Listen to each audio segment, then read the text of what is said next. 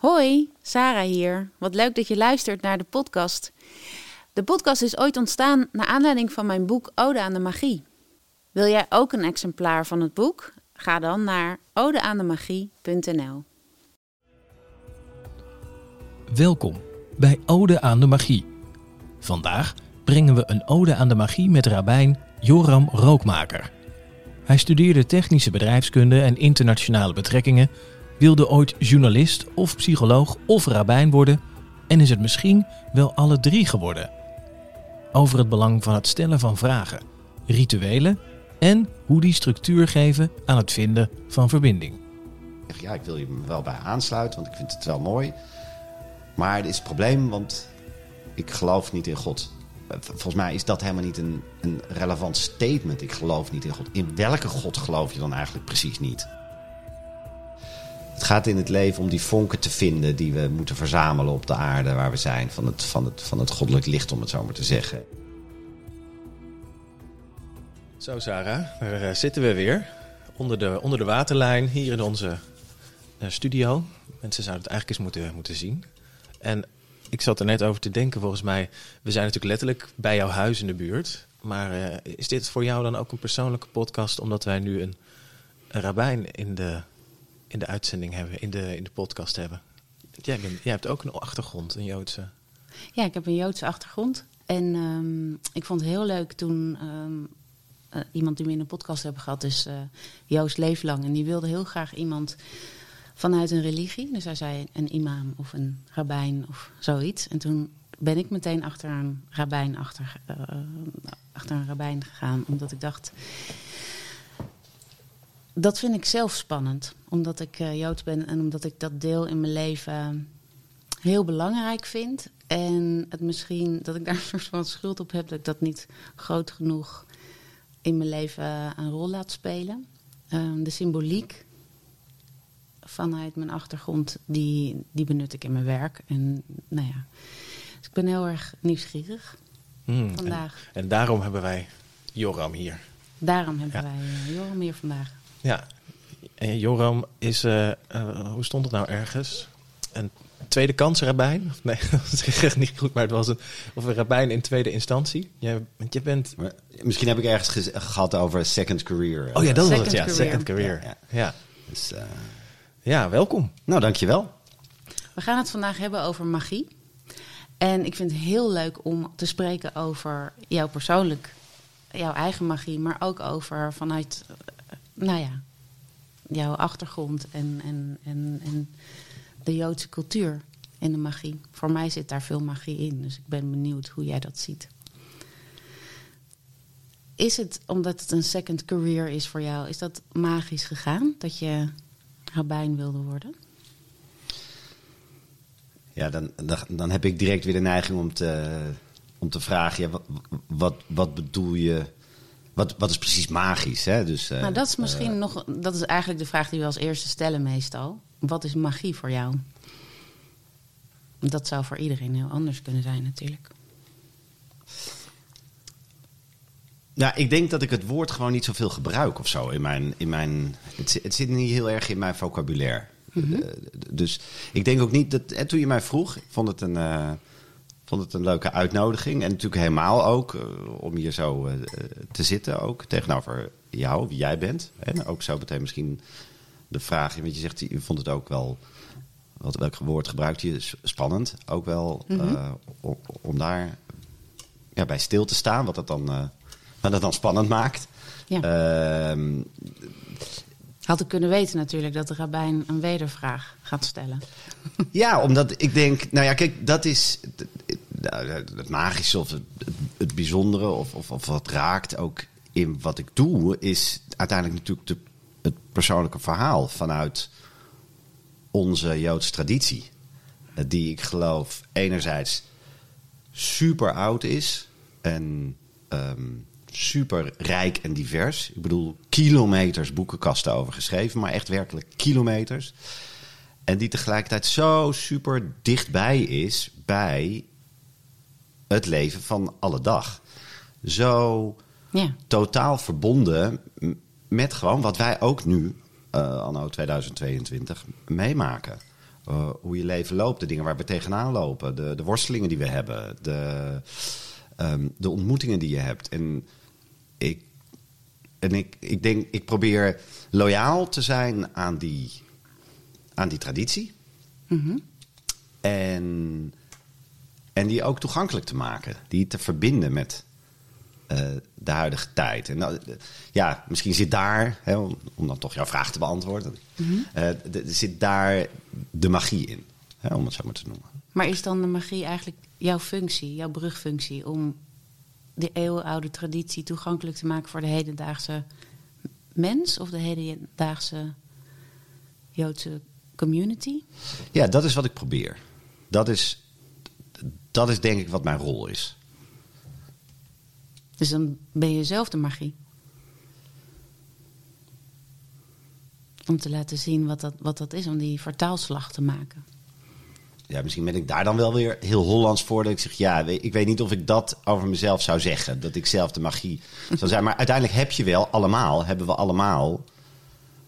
Je hebt alleen jezelf. Nou, laten we het woord verbinder noemen.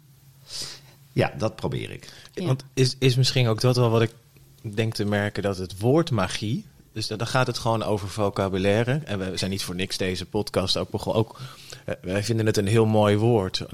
Maar dat is een, een lading die, we er, die wij eraan geven. We merken bij meer mensen hoor, dat zodra het magie. Sommige mensen hebben er duistere associaties met het woord. Of eh, ehm, eh, het lijkt alsof je inderdaad dan op het woord die moeite hebt. En dan ko- komt er eigenlijk meer een soort van technisch verhaal, voor mijn gevoel. We hebben natuurlijk ook technische bedrijfskunde gedaan, dus dat zal, daar zal het vast aan liggen. Ehm, Dat is ook al wel heel lang geleden. nee, dan word je heel... Ja. Eh, Nou, bij weinig meer... eh, het klinkt heel... eh, het is allemaal heel, heel verstandelijk. Terwijl ik wel denk, dat, eh, als, wat ik weet... en ik, heb geen, eh, ik, ik ben geen Jood, ik heb geen Joodse achtergrond... alleen interesse eh, in, eh, in alle vormen van religies wat dat betreft... denk ik, ja, er zit toch wel heel veel dingen in... die ik als buitenstaander wel als magisch of mystiek... of dan moet ik misschien de andere woorden gebruiken... dan is misschien Kabbalah... Nou of, ja, eh, kijk, het, het Jodendom heeft natuurlijk best ook een, een ingewikkelde relatie tot het concept magie. Hè. In Egypte had je dan de magiërs die werkten voor de farao. Eh, en, en dat waren in het, in het perspectief eh, de- van die Joodse traditie, dat het waren de kwakzalvers, die deden trucjes. Hè.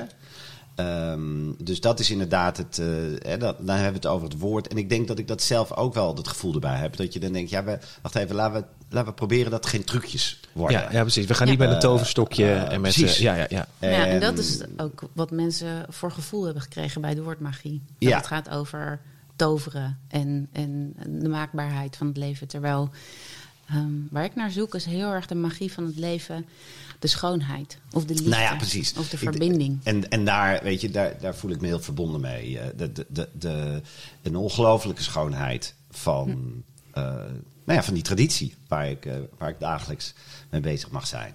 Ja. En, eh, En was het dan, als we dus het woord magie even laten, maar was het wel, eh, eh, was het zo'n een schoonheidservaring, zeg maar, of iets? Want het is, eh, het is best een career change, als ik zo was. Ik had jou misschien dus ook wel kunnen tegenkomen als, is lang geleden, maar technisch bedrijfskundige of eh, ik, Ja. ik noem maar wat.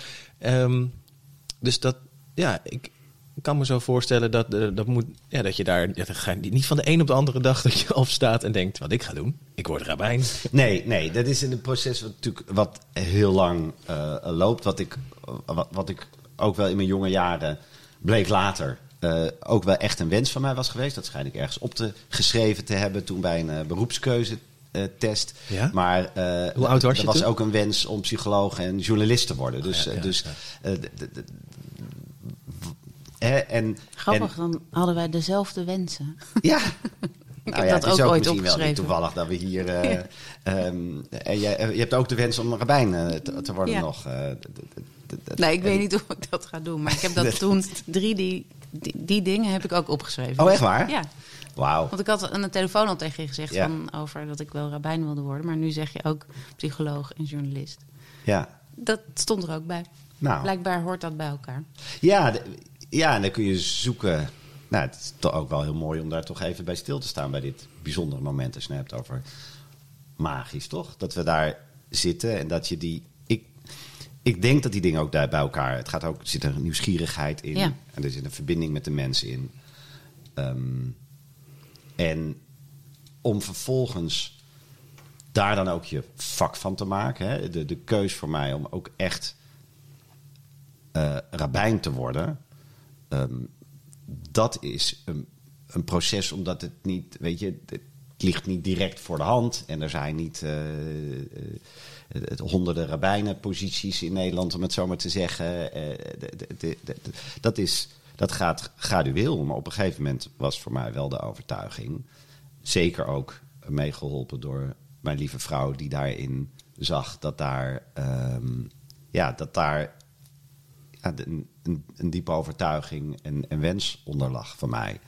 Um, om ook echt daar um, mijn, ja, uh, mijn, mijn dagelijkse Hoe merkte activiteiten van te maken. Dat, jij dat, dat jouw diepe wens daar lag?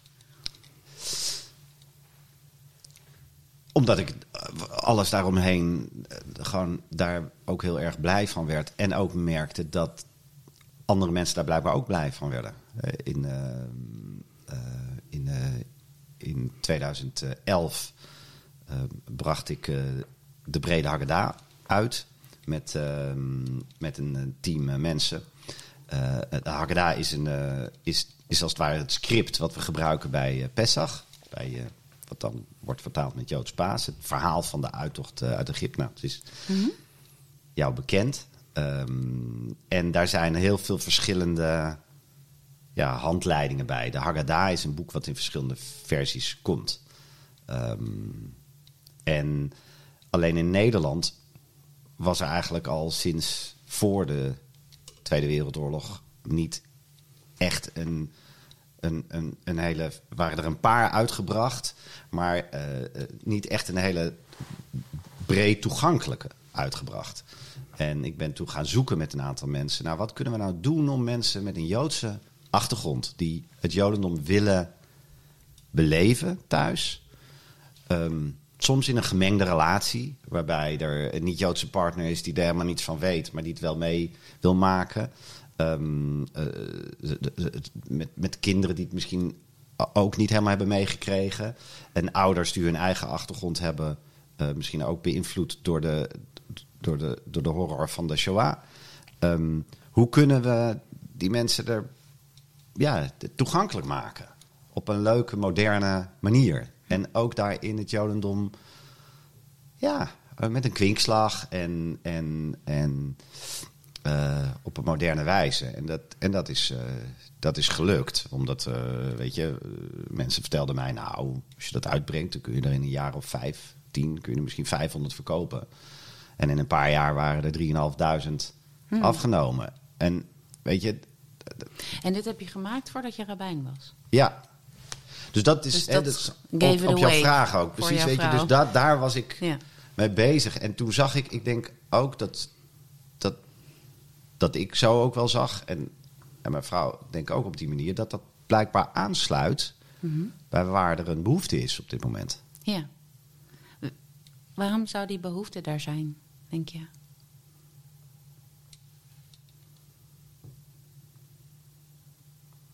Nu. Ja, ik zou bijna zeggen, mag ik hem aan jou vragen? Waarom is die behoefte er? Ja een beetje hetzelfde als ja, vinden waar je vandaan komt. Ja. En uh, in, in, in die Joodse traditie is natuurlijk heel veel, um, nou ja, over de hele wereld verspreid. Hoe noem je dat? Diaspora. Dus voor mij, letterlijk voor mijzelf is omdat mijn familie uh, vanuit Roemenië en, en Rusland is, zijn er een aantal gevlucht naar Amerika. En zij hebben dat overleefd. Dus dat, ja, een soort drang naar waar, kom ik vandaan. Ik, ik heb een Amerikaans paspoort, maar dat is één generatie. Ik ben geen, dan voel ik mij geen Amerikaan. Maar ik voel me ook geen Rus of een Roemeen, want ik, ik, spreek de taal niet. Nou ja, zij, zij spraken Jiddisch, maar dat spreek ik ook niet. Nee. Um, dus ja, het zoeken, zoeken naar jezelf. Ja. Misschien wel hetzelfde als als je geadopteerd bent. Dat je zoekt naar waar je vandaan komt. Ja, ja, en misschien ook de, en de vraag ook van, en hoe geef ik dat dan weer door? En, en Ja. wat geef ik door? Hè? Ehm, wat is het verhaal wat daarbij hoort? Ja. Ehm, wat is En is het verhaal groter dan je eigen DNA-lijn? Ja. Ja. ja. Wa- Wat, is, wat is ook de context waar je in staat? Ook omdat ik geloof, en dat zie ik ook bij een heleboel eh, andere Joden, is dat er wel het gevoel is, ja, er, die, die generaties voor mij, die hebben mij ook iets meegegeven, wat, wat in mij zit. en, en wat je ook moet ontginnen. Ehm, het is een heel mooi verhaal in het Jodendom dat, dat voor de geboorte een Joods kind eigenlijk de hele Torah eh, ehm, al kent. Maar dat bij de geboorte, als het ware, een engel de lippen van het kind aanraakt. En dan raakt hij het weer even kwijt. En in de rest van zijn leven of haar leven leert hij het weer terug. En dat is prachtig, want je bent dus iets niet. Het gaat niet om iets nieuws, maar het gaat iets om, om, Je herinnert terugleren. Ja. En, en, en, en nou ja, is vandaar dat woord van ontginnen. Ja, dus het is geen kennis opdoen van buiten jezelf, maar Nee. het is herinneren. Ja, Maar dat lijkt ook een prachtige symbolische metafoor voor iedereen in, in het leven. Het hoeft niet alleen voor, voor Joden te zijn. nee, ik, ik, ik, denk dat je altijd in het leven weer mag herinneren wie je werkelijk bent. ja, Ongeacht wat je achtergrond is. ja, Dus ik vind dat een hele mooie...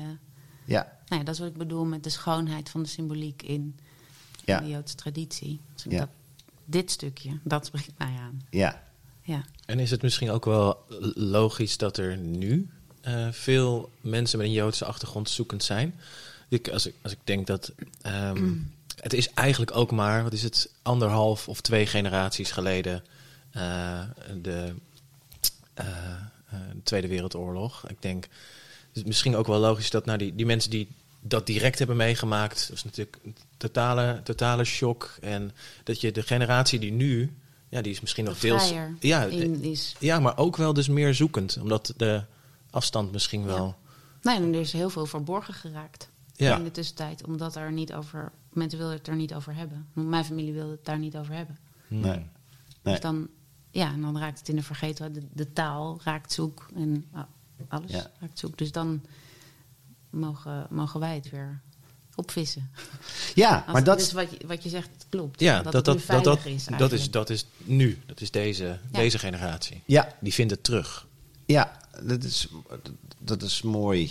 Wat, wat zei je? Opvissen, hè? geloof ik, zei je. Ja. Dat, nou, dat vind ik een mooi beeld. Want volgens mij is dat, dat is ook wat ik herken. En wat ik bij veel gesprekken die ik met mensen voer Mhm. ook hoor. Het is precies dat. Het is, er is in sommige gevallen heel veel over gesproken door, door ouders of grootouders. En dan was, Mhm. het, dan was het voortdurend aanwezig. Maar dan was eigenlijk vooral de ellende voortdurend aanwezig. Ja, Eh, de pijn van de onderduik, de pijn van de kampen, de pijn van de vermoorde familieleden en de onveiligheid van het leven in Nederland. Hè?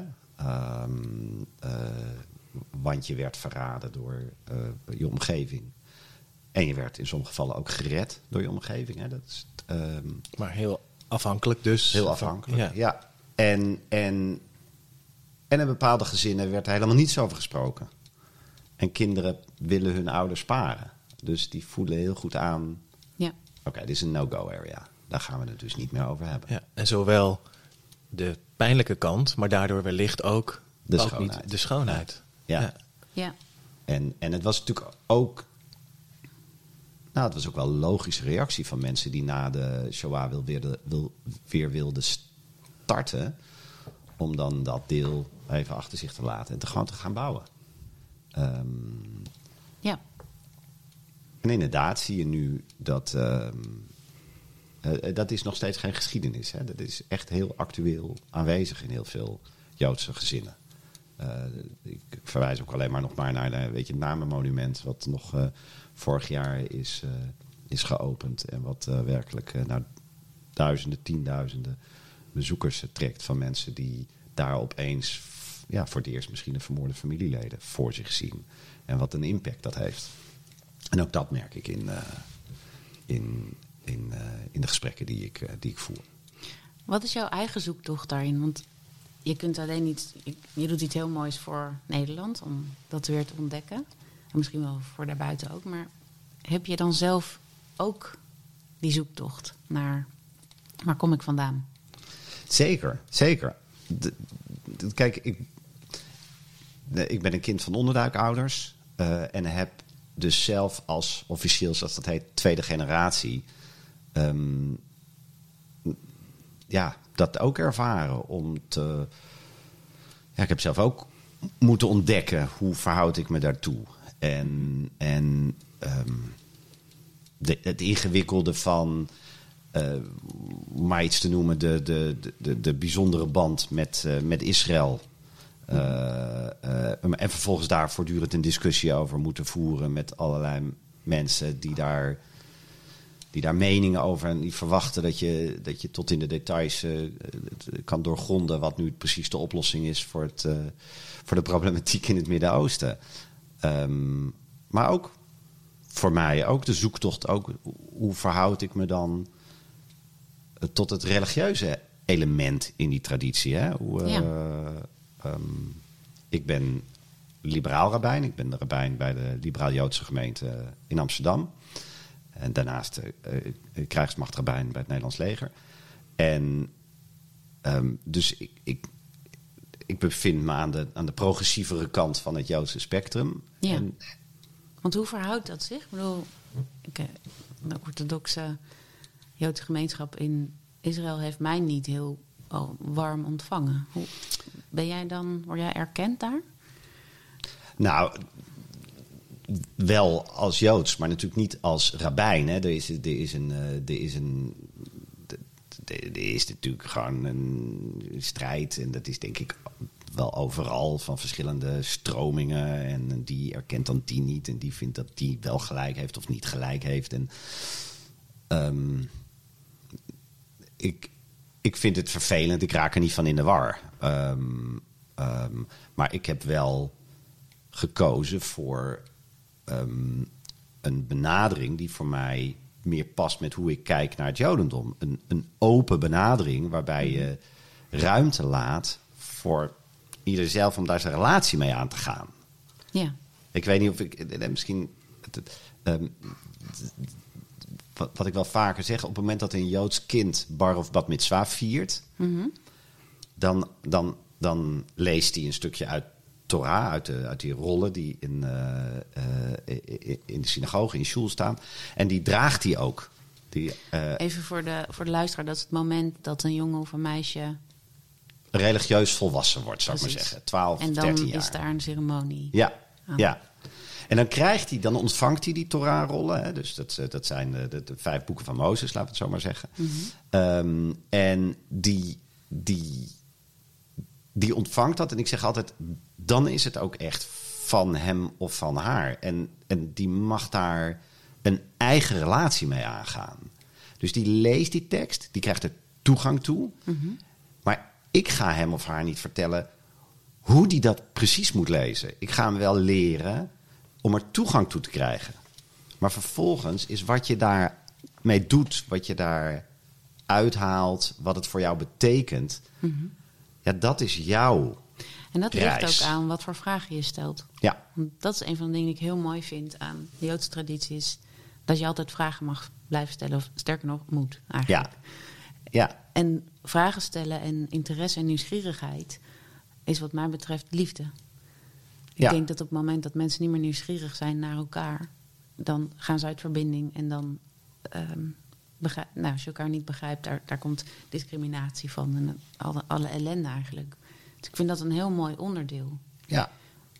Ehm, maar als dat onderdeel is van de traditie, wat, als je het verschil ziet met die orthodoxe kant, heb ik het gevoel dat er niet, er was niet heel veel ruimte. Ze, voel, ze stelden mij geen vragen. dus ik, ik denk dan, wauw, wat, wat, ja. Nou ja, wat is daar anders? de- je wil zeggen, toen, zij, toen, je, toen je in Israël was of speelde. Ja. Ik, ik werd niet echt. Ik bedoel, het was, ze vonden dat heel grappig dat ik Joods was, maar dat, dat was echt niet waar.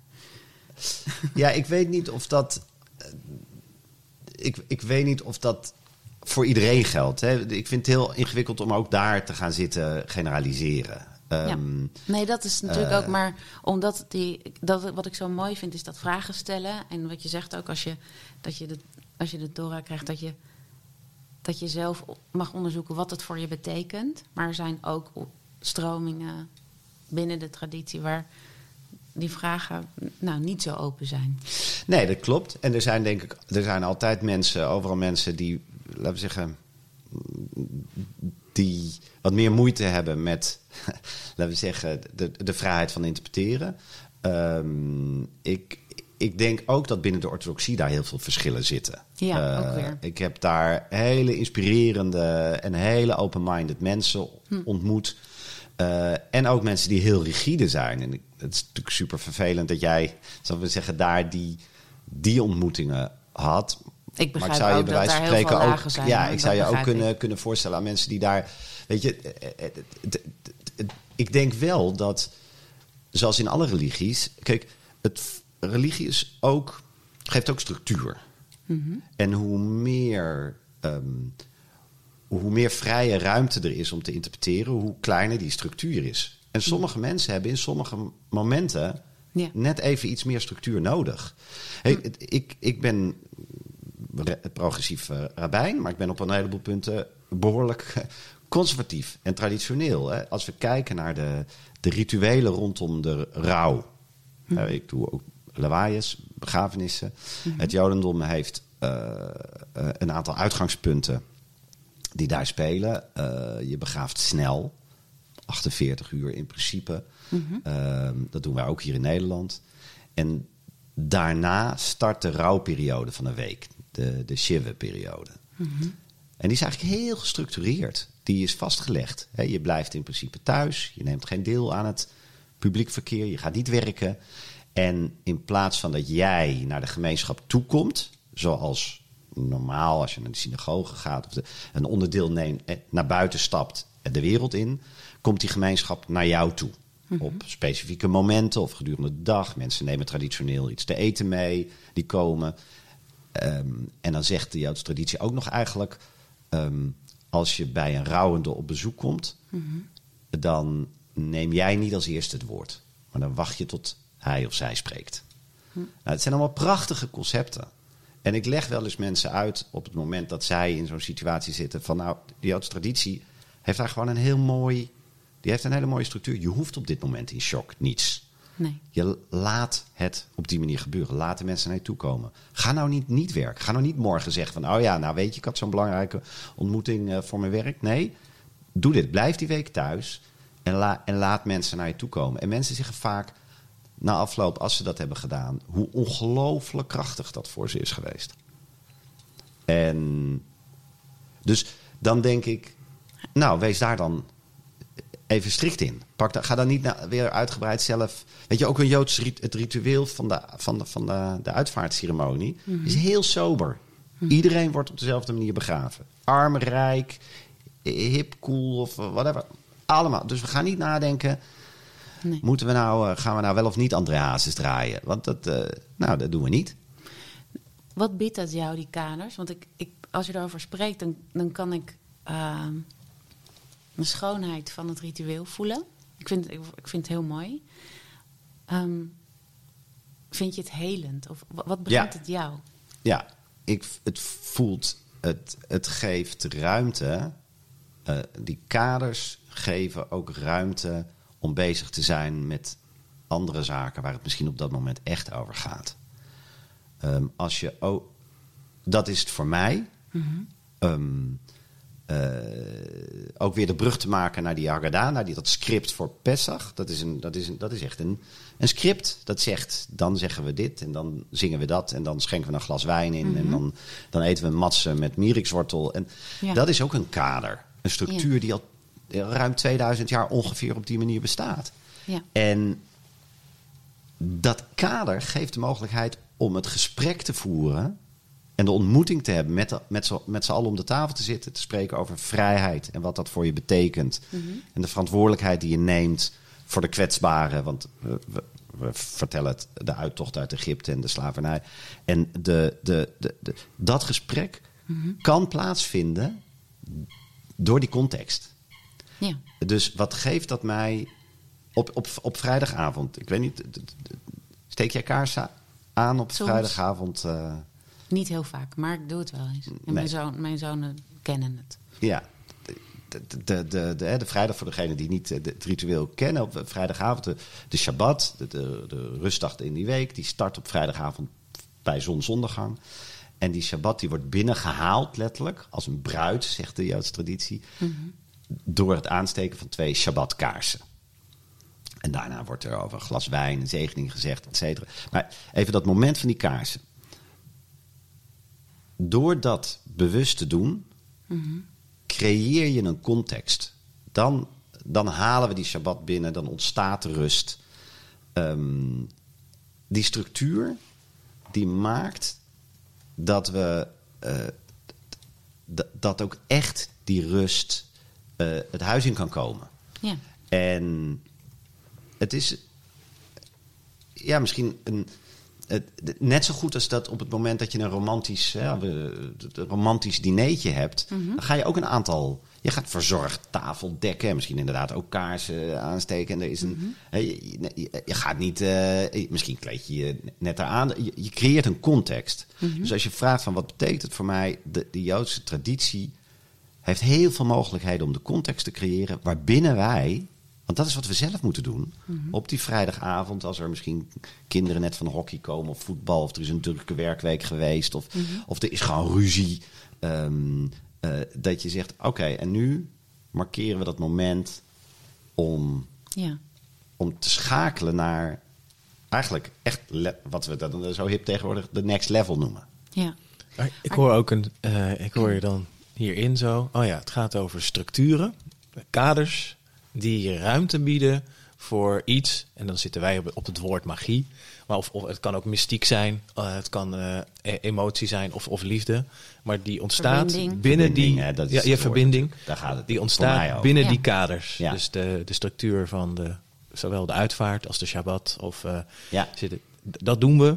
En dat creëert dan de, de sfeer, de verbinding. Ja. eh, door, door de heel er erg ruimte ik denk ook, dat inderdaad. in onze Ja. westerse cultuur ehm, die rituelen heel erg ontbreken. Ja, Dus ehm, je vroeg me aan het begin van het gesprek, wat is het voor jou? Ik mis rituelen. Ik mis, ehm, nou ja, sowieso familie. Omdat ik, ik woon alleen in, in Nederland met mijn moeder. En ik heb natuurlijk een vader, en, maar die zijn ook gescheiden. Dus er was heel weinig structuur in, in, in familiesfeer. Want dat ontbrak allemaal. Maar ik denk dat überhaupt we allemaal gezinnen hebben die los van elkaar, soms in flats, allemaal ehm, dingen aan het doen zijn. En, en eh, moeders alleen met kinderen en, en, en- en gezinnen. En- maar dat die rituelen ontbreken. En dat ook het momentum van wanneer een kind naar volwassenheid gaat, dat dat ook ontbreekt. Ja. Ben, ben jij misschien daarom wel zo op zoek naar, Ja. Eh, naar, naar magie? Naar Ja. en je hebt heel veel rituelen die, eh, die jij natuurlijk in je werk dan hebt ingebracht. Jullie Ja. werken met rituelen, met ceremonies, met Al mijn werk is ceremonieel. Ah, dus ja. er zijn. Dus dat, een zoektocht van... Maar dat is ook toevallig het mijne ook. ja, Ja. Ja, ja. Ja. Ja, maar ehm, en ik denk dat die kaders inderdaad, ehm, we willen allemaal los van de kaders en het moet er doorheen breken. En we, maar ehm, hadden het er gisteren in, in een gesprek ook al over dat er kan heel veel creativiteit zijn, er kan heel veel ehm, verbinding zijn op het moment dat er ook kaders zijn. Ja. En ik denk dat je kunt als kind ook alleen maar tegen kaders aanschoppen als er kaders zijn. Dus het heeft ook veiligheid. Dus de rituelen en. ehm, ik had hele vrije ouders, hele wilde ouders, die, die, die, die lang, la- later uitgingen dan ik. Ja. En eh, mijn ouders die zeiden zelfs tegen mij: Goh, how did you get so conservative? Ehm, Nou, misschien daarom juist. Hè? Precies. Dus het, dat was mijn manier om tegen de kaders aan te schoppen. Maar ik ben ontzettend geïnteresseerd geraakt in, in inderdaad die, die, die Joodse achtergrond. En ben met vrienden meegegaan, ook naar school en naar bar mitzvahs en bat mitzvahs. En, en feestdagen bij hun thuis. En een beetje aangesloten in hun familiesfeer. Maar ik vond de rituelen zo mooi. Ja. Ehm, dat geeft veiligheid en het heeft geborgenheid. En dat geeft inderdaad ruimte om vragen te stellen als dat er mag zijn. Ja. Wat ik heel interessant vind. Ik heb je nog niks horen zeggen over de godsdienstigheid. ik gebruik ook specifiek even dat woord, want Ja. we hebben het aan de telefoon al over gehad. Ja. Ja. Maar dat hoor ik niet. Nou, dat, dat, ho- je formuleert hem mooi, hè? je hoort het niet. Het, het, voor mij is het één, hè? voor mij is het een geheel. Er is niet een. eh,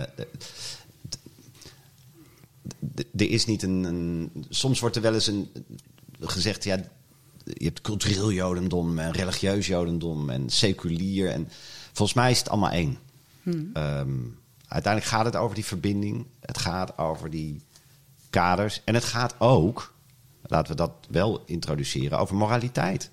Over welke verantwoordelijkheid nemen we in de wereld waar, we, waar we in zitten. Het Jodendom is heel erg bezig met het hier en nu.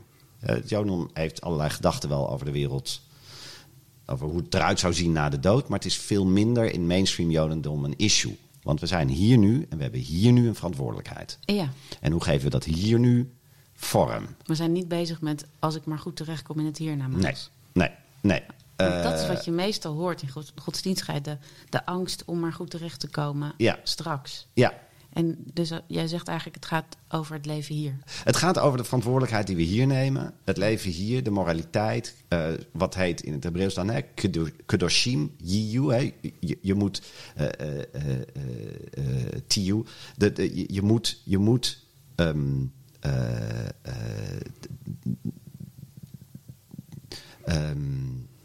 je, je moet heiligen zijn. En dat is dan een rare uitdrukking. Maar als je die gaat vertalen naar het perspectief van hoe het, eh, eh, hoe, hoe het in de Joodse context wordt gezien, is dat dat betekent dat je je net even uittilt boven het alledaagse.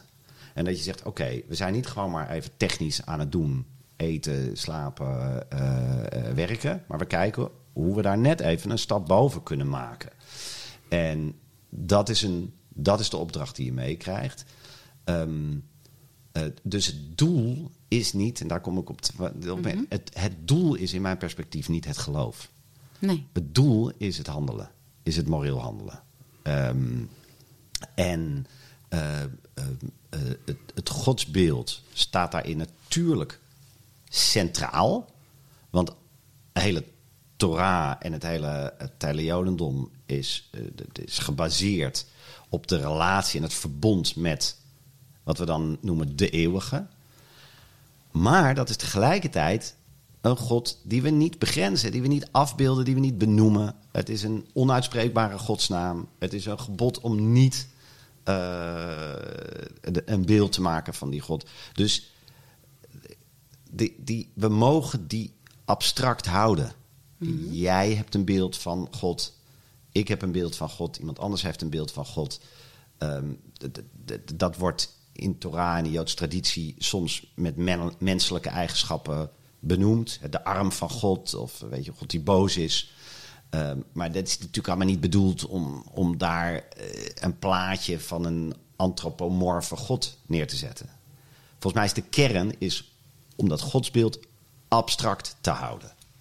Is dat zodat iedereen zijn eigen eh, associatie daarmee mag hebben? Voor mij is dat dat iedereen zijn associatie daarbij mag hebben. En dat we elkaar ook niet bevragen op. Oh, maar zie jij dat dan zo? Maar nee, het is zo. Nee. Ik hoef de ander niet te overtuigen van welk godsbeeld hij of zij moet hebben. nee, dus je mag wel interesse hebben in elkaar Natuurlijk. en dat, dat onderzoeken, maar je bent niet daar om te overtuigen. Ik ben daar niet om te overtuigen. Dus, dus Je ziet eh, in de Joodse traditie ook nooit mensen langs de deur gaan om zieltjes te winnen. Nee. Nou ja, nee, je ziet natuurlijk wel bewegingen die binnen de Joodse wereld eh, proberen eh, Joden actief Joods te laten zijn. Maar eh, ja, het hele missionaire is in het Jodendom eigenlijk afwezig. Ja. Er zijn uitzonderingen, er zijn natuurlijk altijd uitzonderingen. Maar ehm, nee, dus voor mij is het, is het, is het allemaal één. Er is niet, ik, ik krijg soms mensen die, die dan bij de liberaal-Joodse gemeente komen. Die zeggen, ja, ik wil je me wel bij aansluiten, want ik vind het wel mooi. Maar er is een probleem, want ik geloof niet in God. En ik zie dat niet het probleem, omdat ik me dan vraag, ja, maar volgens mij is dat helemaal niet een, een relevant statement. Ik geloof niet in God. In welke God geloof je dan eigenlijk precies niet? Dus als ze bij jou komen en ze willen aansluiten, hoef je niet in God te geloven. Nou, als dat de vraag is, dan zeg ik nee, ik vind dat geen issue. Omdat ik het ook een uitspraak vind die ik. Ja, ik geloof niet in God. Wat, wat, wat is eigenlijk die uitspraak? Ik, ik geloof je dan niet in een God met een baard en, een, eh, Ja. en, en twee armen en twee benen? Nou, daar geloof ik ook niet in. Nee. Dus dan kunnen we elkaar de hand geven. Ja. Waar geloof je Geloof, in? geloof je niet in, als het is, ik geloof niet dat, dat, er, ehm, eh, dat er een basis is, een kader waarop we ons, een traditie, een, een, een kader waarop we ons handelen baseren. Als, het, als de opmerking is, ik geloof niet dat ik mezelf moet begrenzen, ook weer die verbinding en die moraliteit, dan ga ik fronsen. Want dan denk ik, ja, wat heb je dan in een context van een traditie en een gemeenschap te zoeken? Maar dan, dan meldt iemand zich niet. Maar op het moment dat, dat iemand zegt, ja, weet je, dat, dat klassieke godsbeeld waar, waar mensen vaak dan mee zijn opgevoed, ook in een dreigende zin, Ja, dat. dat, dat, dat leidt tot niks. Geloof ik. Dat leidt tot niks. Ehm, ook omdat we. We hebben natuurlijk een worsteling met een klassiek godsbeeld. Van een god die altijd overal zou ingrijpen. Want laten we maar op tafel leggen. En waar was die dan in de Shoah? Toch? Eh, Ik heb daar geen antwoord op. Nee. Ehm, en die gesprekken heb ik veel gevoerd, ook binnen mijn familie. Waar, weet je, ook met de pijn van de, van de Shoah, waar we met de familie op een gegeven moment, met de grote familie, zou ik maar zeggen, eh eh, Seder zijn gaan vieren, hè, de Pesach. En ik, ook de oudere familieleden had gevraagd om daarin een, een rol te nemen. eh, waarbij een van hen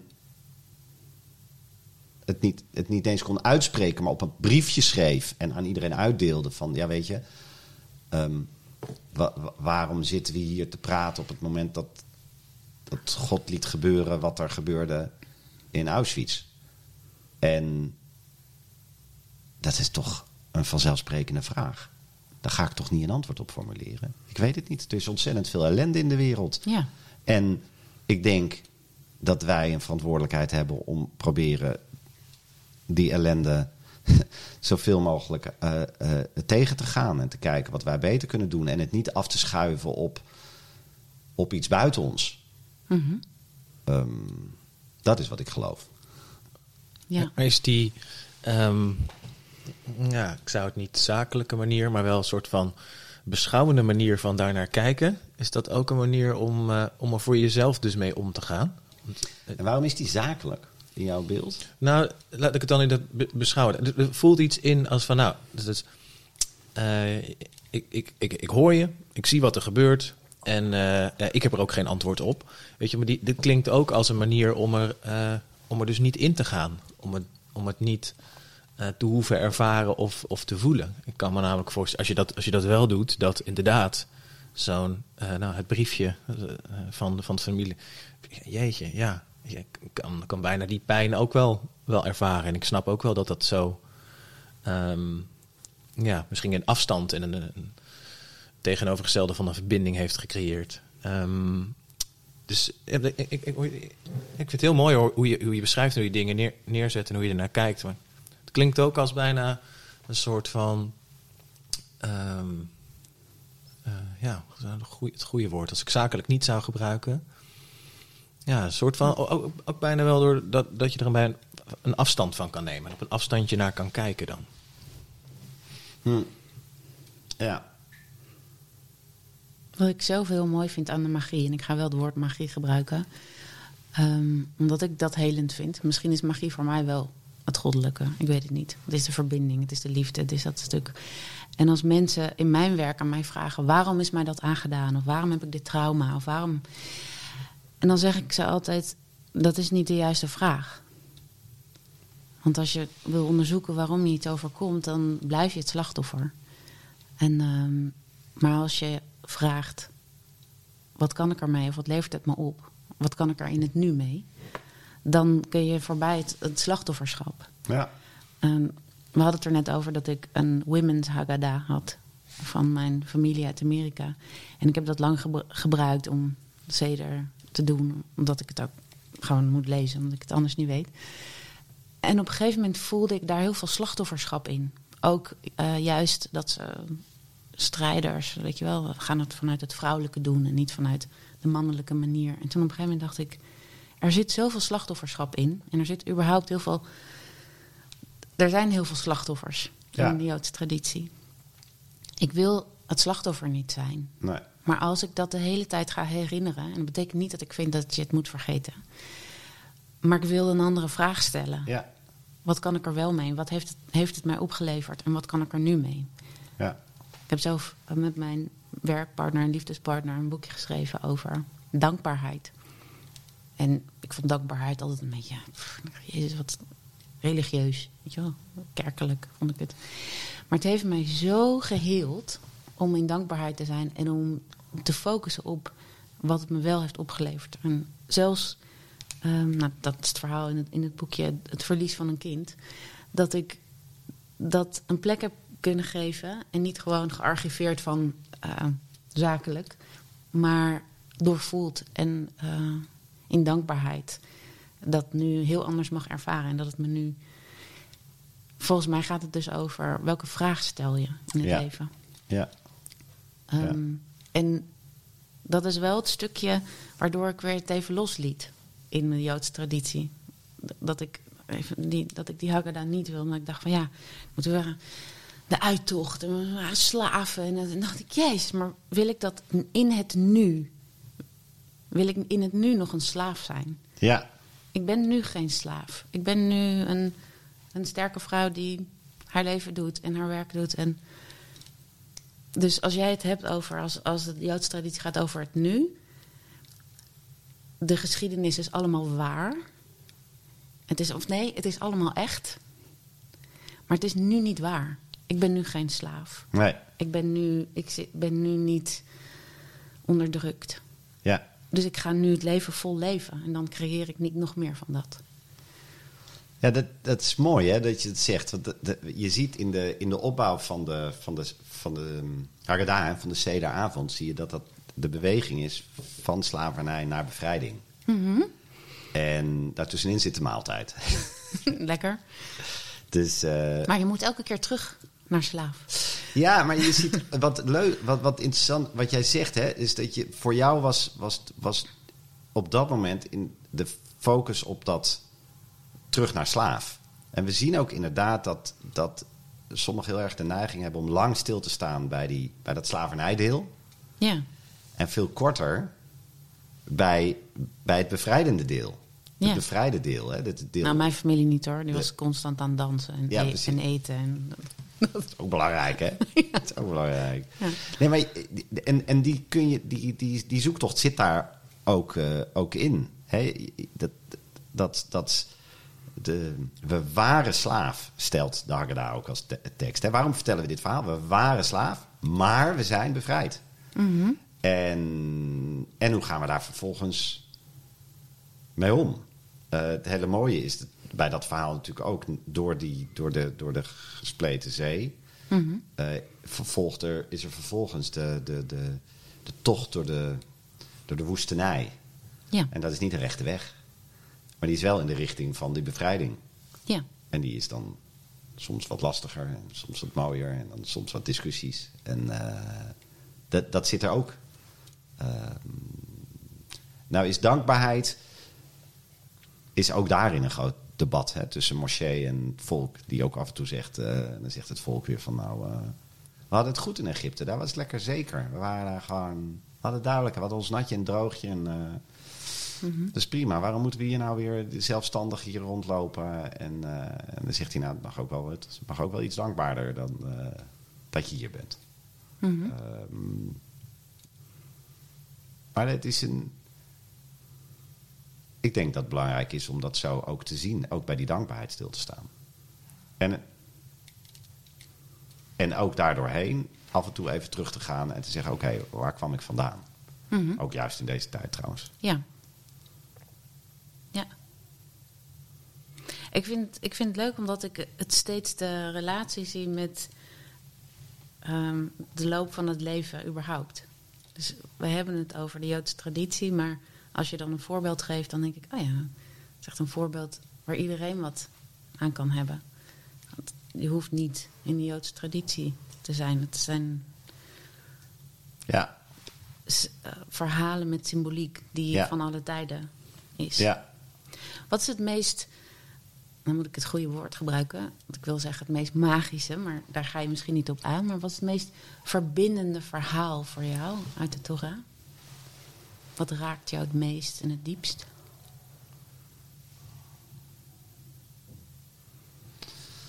Dat.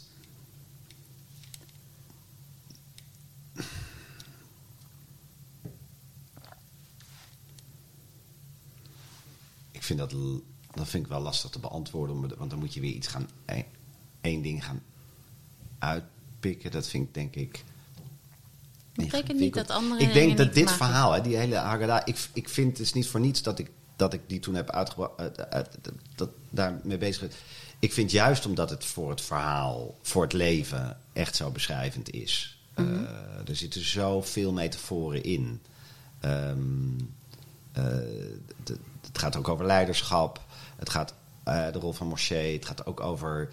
ehm, uh, uh, ik, ik, vind misschien juist wat ik net ook zei, die, die, die, die, die tocht door de, woest, de woestenij, die, um, die ingewikkeld was. En die, als, je, als ze de kortste route hadden genomen, de rechte weg, zou ik maar zeggen. Mm-hmm. Google Maps hadden geraadpleegd en dan daar waren geweest. Dan, dan, dan, hadden ze, dan was er niet een fractie van het, van het leereffect geweest. Uh, en misschien is dat dan ook de metafoor. Dat je zegt, ja, die kortste weg die, die gaat niet zoveel opleveren. Um, dat is een mooie uitdrukking. Is, soms is de omweg de kortste weg, zei Rabbi Menashe, aan de rand van het moeras. En ik denk dat dat, een, dat, dat ook een mooie metafoor... Dus ja, ik vind dat... Um, je zegt het gaat over het pad en niet over de bestemming. Nou, de bestemming doet er toe, maar in dat pad, daar, daarin leer je. En dat is volgens mij wat we allemaal doen. Wat we, wat we meemaken. En wat jij eigenlijk ook zegt met die vraag van niet waarom overkomt het me, maar wat, wat, wat kan ik er vervolgens een betekenis aan geven?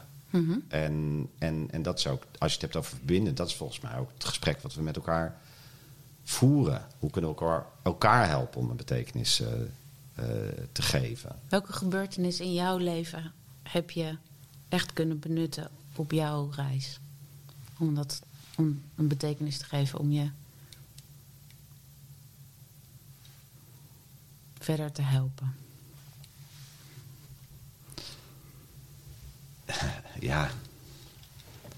Wat ik ingewikkeld vind, dat moet ik er iets uitlichten. Hè. Dat, dat, dat, het is natuurlijk, dat gaat van een kleine ontmoeting. Uh,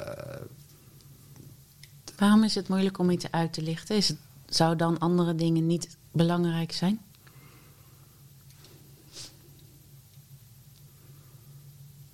Ja, ik denk dat ik dat, dat vind ik ingewikkeld. Omdat je daarbij. Je, ik, ik zoek naar hoe je. Hoe je uh, hoe je voldoende aandacht aan de verschillende elementen kan geven. Aan het systeem, zou ik maar zeggen. En, en dan pak je daar één ding uit en dan, dan, dan is dat het. Um, uh, weet je, het is net zoveel, denk ik, uh, van mijn opvoeding als, mm-hmm. als, als het gezin, de ontmoeting van mijn vrouw, de gesprekken die ik met elkaar met haar heb. Mm-hmm. Maar ook het feit dat ik in verschillende landen in het Midden-Oosten heb gewoond. Niet alleen in, in, uh, in Israël, maar ook uh, bijvoorbeeld in Syrië. En daar heb geleerd hoe, hoe, hoe die wereld.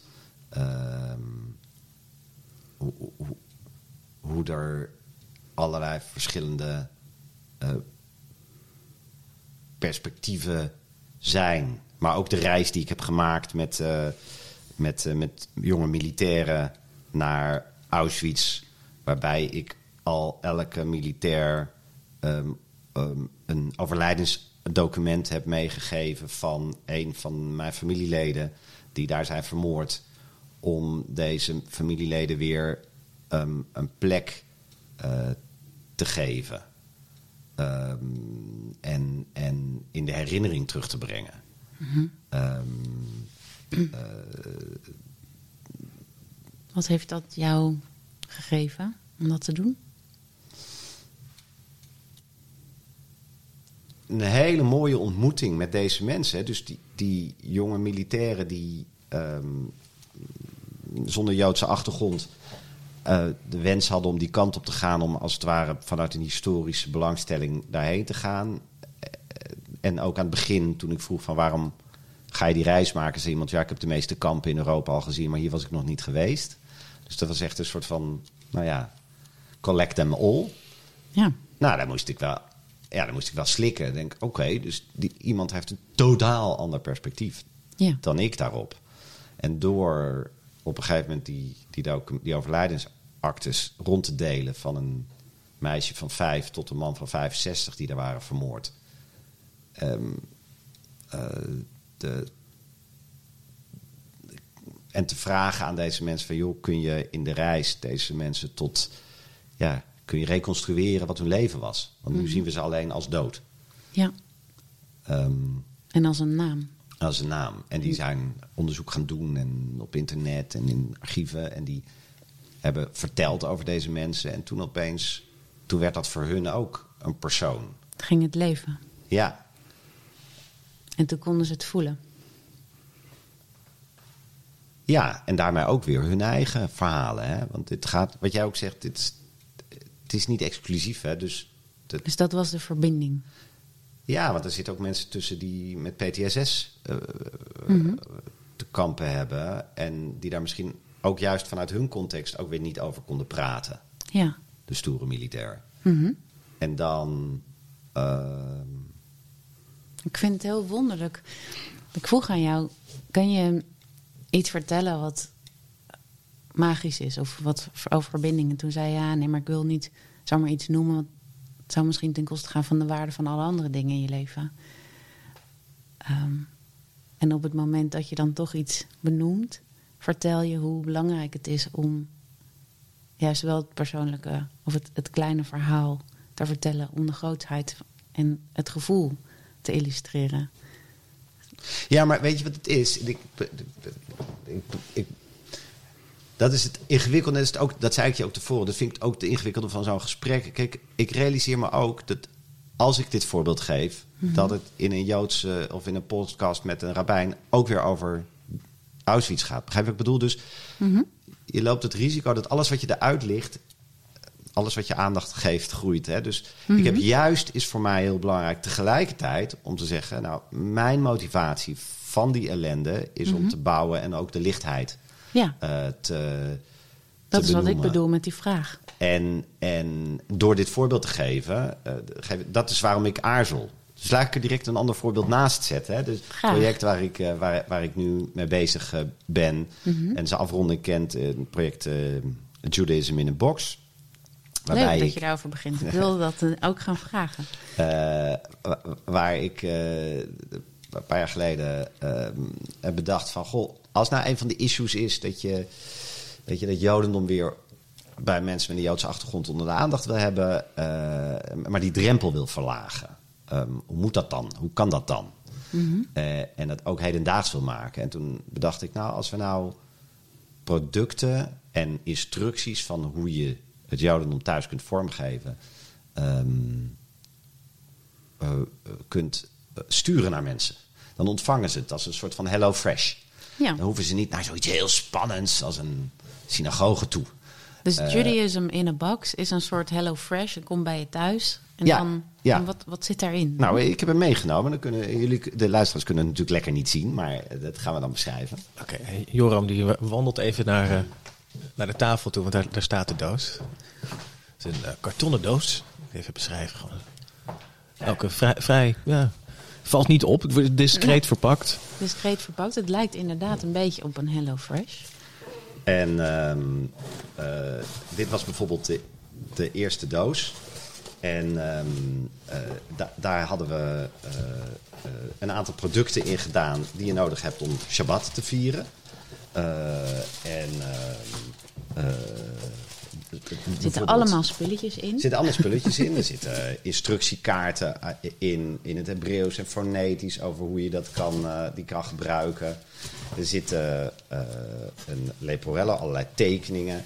ehm, die, eh, gemaakt zijn door Ruud Koster, die, eh, die de volgorde van handelingen aangeven op die vrijdagavond. En QR-codes over, die leiden naar filmpjes over hoe doe je die rituelen nou. Nou, en je steekt, wat ik zei, op vrijdagavond kaarsen aan. Nou, dan hebben we uh, uh, speciaal door Peter Wichman kaarsenhouders laten ontwerpen in de vorm van blokjes met hout uit het Amsterdamse bos.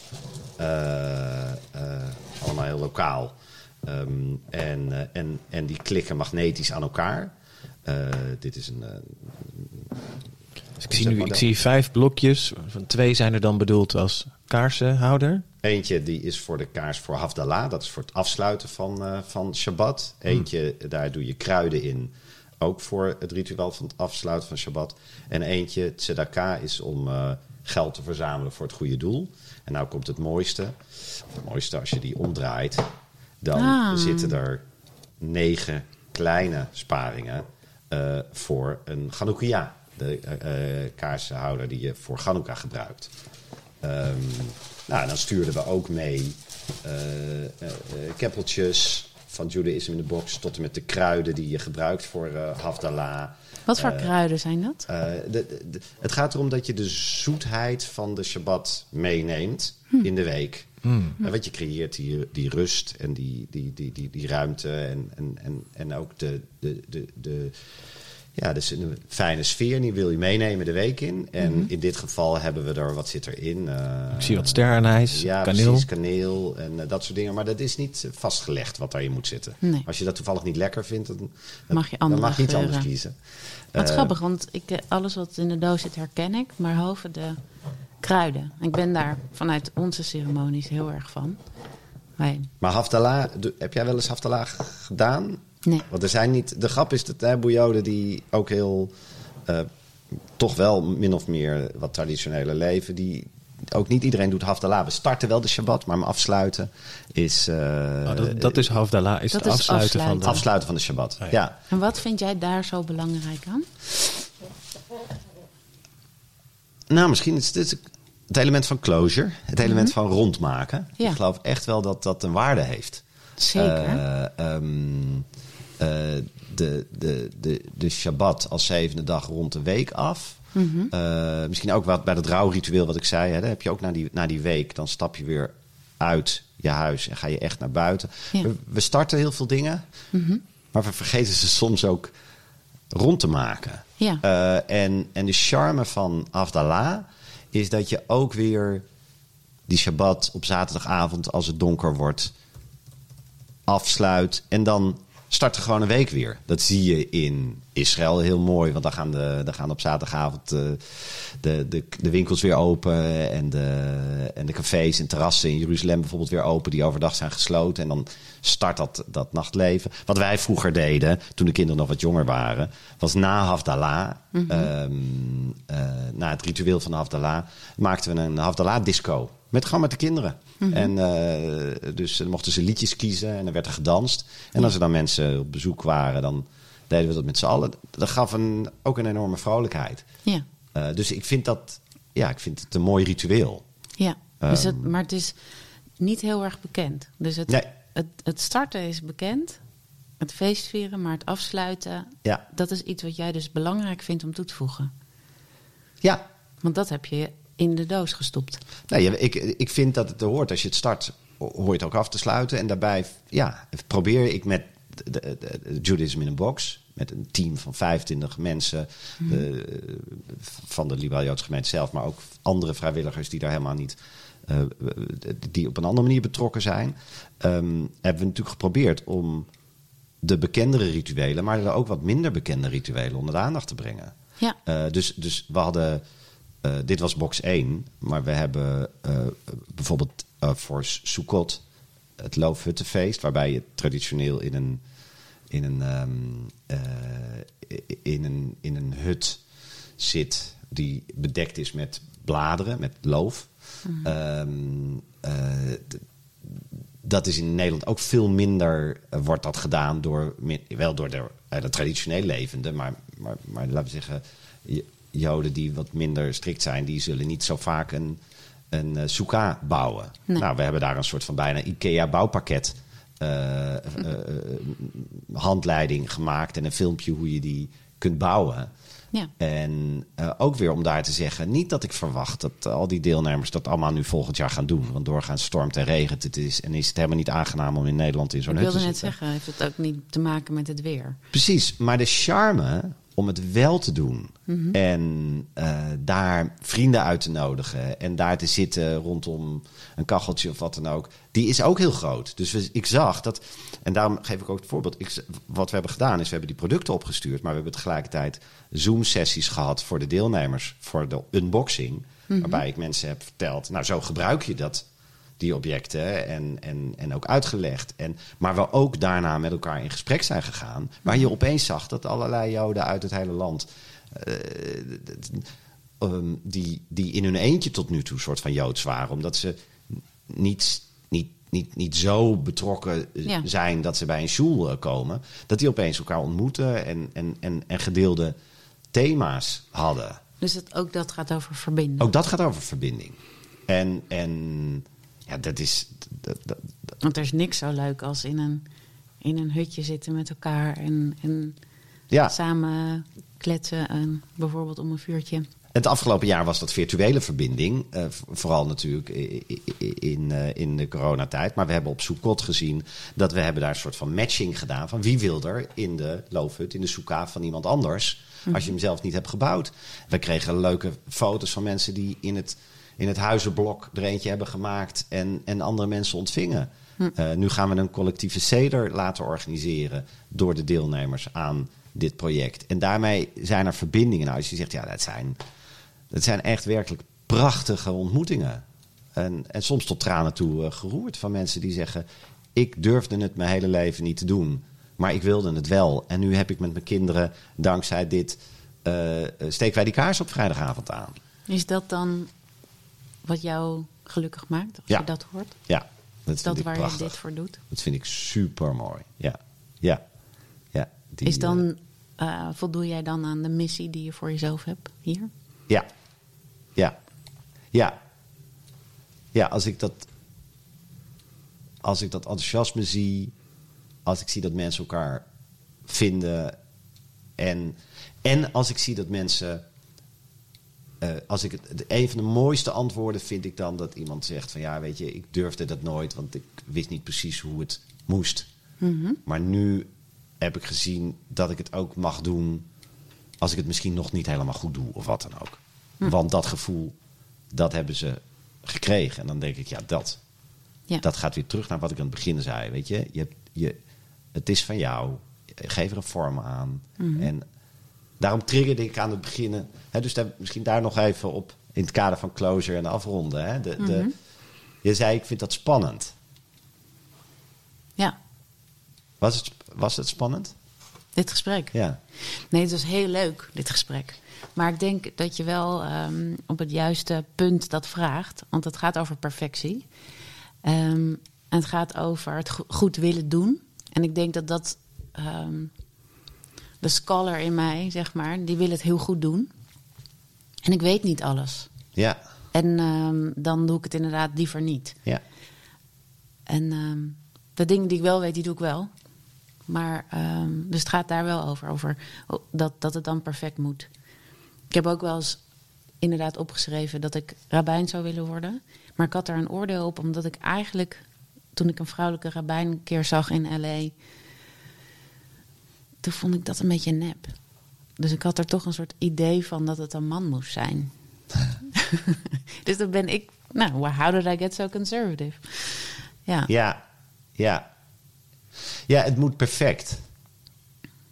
Ja, dus ik. ik Maar dan kan je zelf niet aan het, kun je zelf nooit aan het beeld voldoen. Maar dan kan je omgeving dus ook nooit aan dat beeld voldoen. nee, dus ik heb iets daarin los te laten. Dus het spannende was niet wat jij kwam brengen. Het spannende was wat mijn idee van de Joodse traditie is. Ja. Ja. En dan hoop ik maar heel erg dat ik in jouw ogen niet zo perfect ben. Want misschien is dat dan... Je bent totaal niet perfect. Ja, nee, maar, ja, maar ik weet je, het is natuurlijk een worsteling. En ik herken die. En misschien juist wel vanuit de Joodse traditie, waarbij het moet Ja. altijd goed. Het moet, weet je, natuurlijk. Ja. Weet je, het is ook, ook, ook mijn worsteling. Ja. Ehm, Het is heel veel mind en hoofd en leren tuurlijk. en vragen stellen en de En juiste vragen stellen en meer en, weten. en wat denk je? We hebben dit jaar we hebben die blokjes hebben gemaakt die ik hier voor me heb. En dat was de, de, de, de, dat was de, de, de Chanukkia. En daar hebben we kaarsjes bij gedaan. En, en, en de vormgever had mij kaarsjes geadviseerd. En ik vond die te duur. Dus ik heb andere kaarsjes erin gedaan. Dat is een super duur project. Dus, Ja. eh, en die kaarsjes die waren echt heel slecht. Dus die beschadigden voor sommigen de blokjes, et cetera. Ja. En toen dacht ik, ik heb daar een paar nachten echt slecht van geslapen. Dat ik, dat had ik nou wat dom. Dat had ik beter moeten doen. Dat had ik Ah. dat was niet, dat was niet, dat was niet perfect genoeg. Hm. En dan heb ik altijd weer mensen nodig in mijn omgeving die zeggen: Nou, weet je, dat hoeft dan toch nog niet. Dan is dat gewoon even niet helemaal goed gegaan. Ja, Dus die perfectie is natuurlijk ook, ja, die is ook. Die houdt ons uit onze slaap. En uiteindelijk voorkomt dat we allerlei dingen doen. maar dat doe je zelf. Ja, dat maar ik denk dat ik die perfectie wel had gekoppeld aan, aan mijn Jood zijn. Ja, Want die mind en, en, en het denken en vragen stellen en dat, dat vind ik wel heel erg horen bij de, de scholar. maar belemmert die ook? Soms. Maar soms niet. Nee. Het zorgt er ook voor dat je altijd blijft onderzoeken. Ja, Dat je altijd vragen blijft stellen. En dat, je, Ja. dat ik mezelf op mijn kop geef. Ja, dat, dat zit in mij. ja. En dat heb ik dus nu vandaag weer gemerkt. Dat zat niet aan jou. dat ik aan jou gegeven voor dit gesprek. Ja. En daarom was het spannend. Maar ik Ja. heb hem nu weer teruggenomen. Ja. Dus ik ben door mijn vooroordeel heen. Nou ja, dat is. eh, ja, dit- nou, dat is, dat is mooi, om, eh, mooi om, te, om, om, om te horen. En, en, en ik denk ook dat dat. dat eh, misschien, misschien kom je ook nog door dat vooroordeel over die vrouwelijke, vrouwelijke rabbijn. weet. Eh, Ja. Want ook daar denk ik gewoon. eh, Het gaat erom natuurlijk in het leven. Ik, geloof, ik weet niet of ik dat zei toen we elkaar spraken. Het gaat, het gaat, het gaat, in het leven om die vonken te vinden die we moeten verzamelen op de aarde waar we zijn. Van het, van het, van het goddelijk licht, om het zo maar te zeggen. En nou, die die zoek je. En als, als, als dat die is, dan vind je die. En dan, ik heb een, gelukkig een aantal vrouwelijke rabbijnen ontmoet. eh, die, eh, die echt enorm inspirerend en, en, en dragend voor de Joodse traditie. eh, eh, Ja, uiteraard. en, Dat eh, snap ik. Ja. ehm, oud en jong, eh, binnen en in het buitenland. En eh, ja, ik denk dat we met z'n allen, dat we daarin ook een slag hebben gemaakt, ook binnen het Jodendom, eh, om Zeker. progressiever naar te kijken. Ja. Ik vind eh, vonken vinden van het goddelijke en eh, rituelen volgen om eh, verbinding te creëren. Toch behoorlijk magisch klinken allemaal. Ja. En misschien eh, dat het in de oren van een ongelovige is. Eh, omdat, Een want het is, ongelovige, dat klinkt dan weer zo'n beetje... Nou, nee, het niet over jou gehad, maar ik wil het ook wel even over jou dan gaan hebben. Ongelovige. Wat, is dat nou weer voor iets? nou, in ieder geval niet aanhanger van een, eh, een geloof zoals dat eh, nou, een bekende structuur is of zo. Of volgens bepaalde. Ja, maar ik denk overigens wel, wat het, best wat over zeggen, dat ik heel erg ehm, vanuit. eh, ik, ik geloof wel in, in het goddelijke. En ik geloof ook dat dat, eh, dat goddelijke, dat dat één, één is. En dat eigenlijk alles, alle geloofsmaken die er zijn, of eh, dat die, het komt volgens mij allemaal vanuit diezelfde kracht die je als mens wel kan ervaren. Die zoveel groter is dat je hem ook geen vorm kan geven of geen benen en een baard, zoals jij mooi, mooi zei. Ja, dus dat. Maar wacht even, nou ben je in één zin ben je en een ongelovige en daarna iemand die in het goddelijke gelooft. Ja, nee, nee, ik bedoel, het, het ongelovige, eh, het is misschien een typering die ik er zelf aan geef, omdat ik, ik ben geen aanhanger van een geloof. Ja, maar Dus dat, is wat ik bedoel. Dat is ja. wat ik er straks probeerde te zeggen. Je gaat het direct... je- Weet je, het wordt dan... Je, je labelt jezelf... dit- Het is grappig. En dit is wat we voortdurend met z'n allen doen. Hè? Dus je begint de zin met... Ik ben geen ongelovige. Maar je bedoelt eigenlijk... Ik ben ongelovige. Je bedoelt eigenlijk te zeggen... Ja, ik, ik voel me niet per se binnen een bepaalde religieuze context Ja. thuis. Ja, heb je gelijk. ja. Eh, en, en, en, en misschien is dat. Misschien is dat ook wel het, het, het voordeel wat een heleboel mensen vanuit een Joodse achtergrond hebben, dat ze, dat ze die context, die hebben ze meegekregen. En daar kunnen ze voor kiezen om iets mee te doen. Of om iets niet mee te doen. Ik beschrijf het wel eens als een, als een heel mooi schilderij wat je op zolder hebt staan. Daar kan je een deken overheen leggen en zeggen: Oké, dit heb ik georven van, van vroeger. En ik vind er niks van, wat past niet boven de bank. Nou, prima. Ehm, maar het kan ook zijn dat je. eh, Vaak is het een kind die dan de zolder op gaat. En die achter dat dekentje kijkt en zegt: Wow, hebben we dat staan?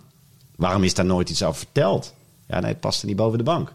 Ja, maar ik vind het wel heel mooi. En dan ga je zoeken. En dus dat is het voordeel. Maar ik denk dat voor een heleboel mensen die niet vanuit een religieuze eh, context komen. En ik, dat is niet exclusief voor Joden. Hè. Er zijn ook een heleboel andere mensen in, een- in de samenleving. die een hele duidelijke identiteit. of achtergrond of religieuze context. en daarin een enorme rijkdom hebben.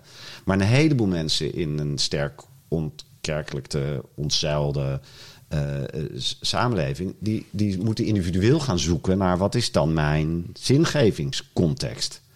En die, en, die, en die lijkt soms verwoord te worden van ja, ik ben, eh, ik, ik ben van God los of goddeloos. Ja, ja, heiden, ongelovig, Maar, wat maar, dan ook, maar, ja. maar die zoektocht, volgens mij hebben we die allemaal. Of hebben heel veel mensen die. Het is ook de zoektocht naar je DNA. Ja, Want dat is het meer. ja, Dus waar kom ik vandaan? ja, En die is net zo rijk bij jou. ja. Het is het, het- ik zie de Joodse traditie helemaal niet als een, als een religie. Als een cultuur. Dus ik, ik ben op zoek naar die cultuur, maar dat gaat gewoon over mijn geschiedenis. Het is niet. ehm, het is. Ik, ik vind dat het heel erg anders als, als mensen zeggen: ja, ik ben, ik ben niet meer katholiek, ik ben uit de kerk gestapt. En denk ik, ja, dat snap ik. Dat heeft zo te maken met godsdienstigheid. En dat heeft zo te maken met een opvatting. Maar het is ook je DNA. Dus als het heel lang in je DNA zit, je kunt het niet ontkennen. Je bent het wel, ook al stap je eruit.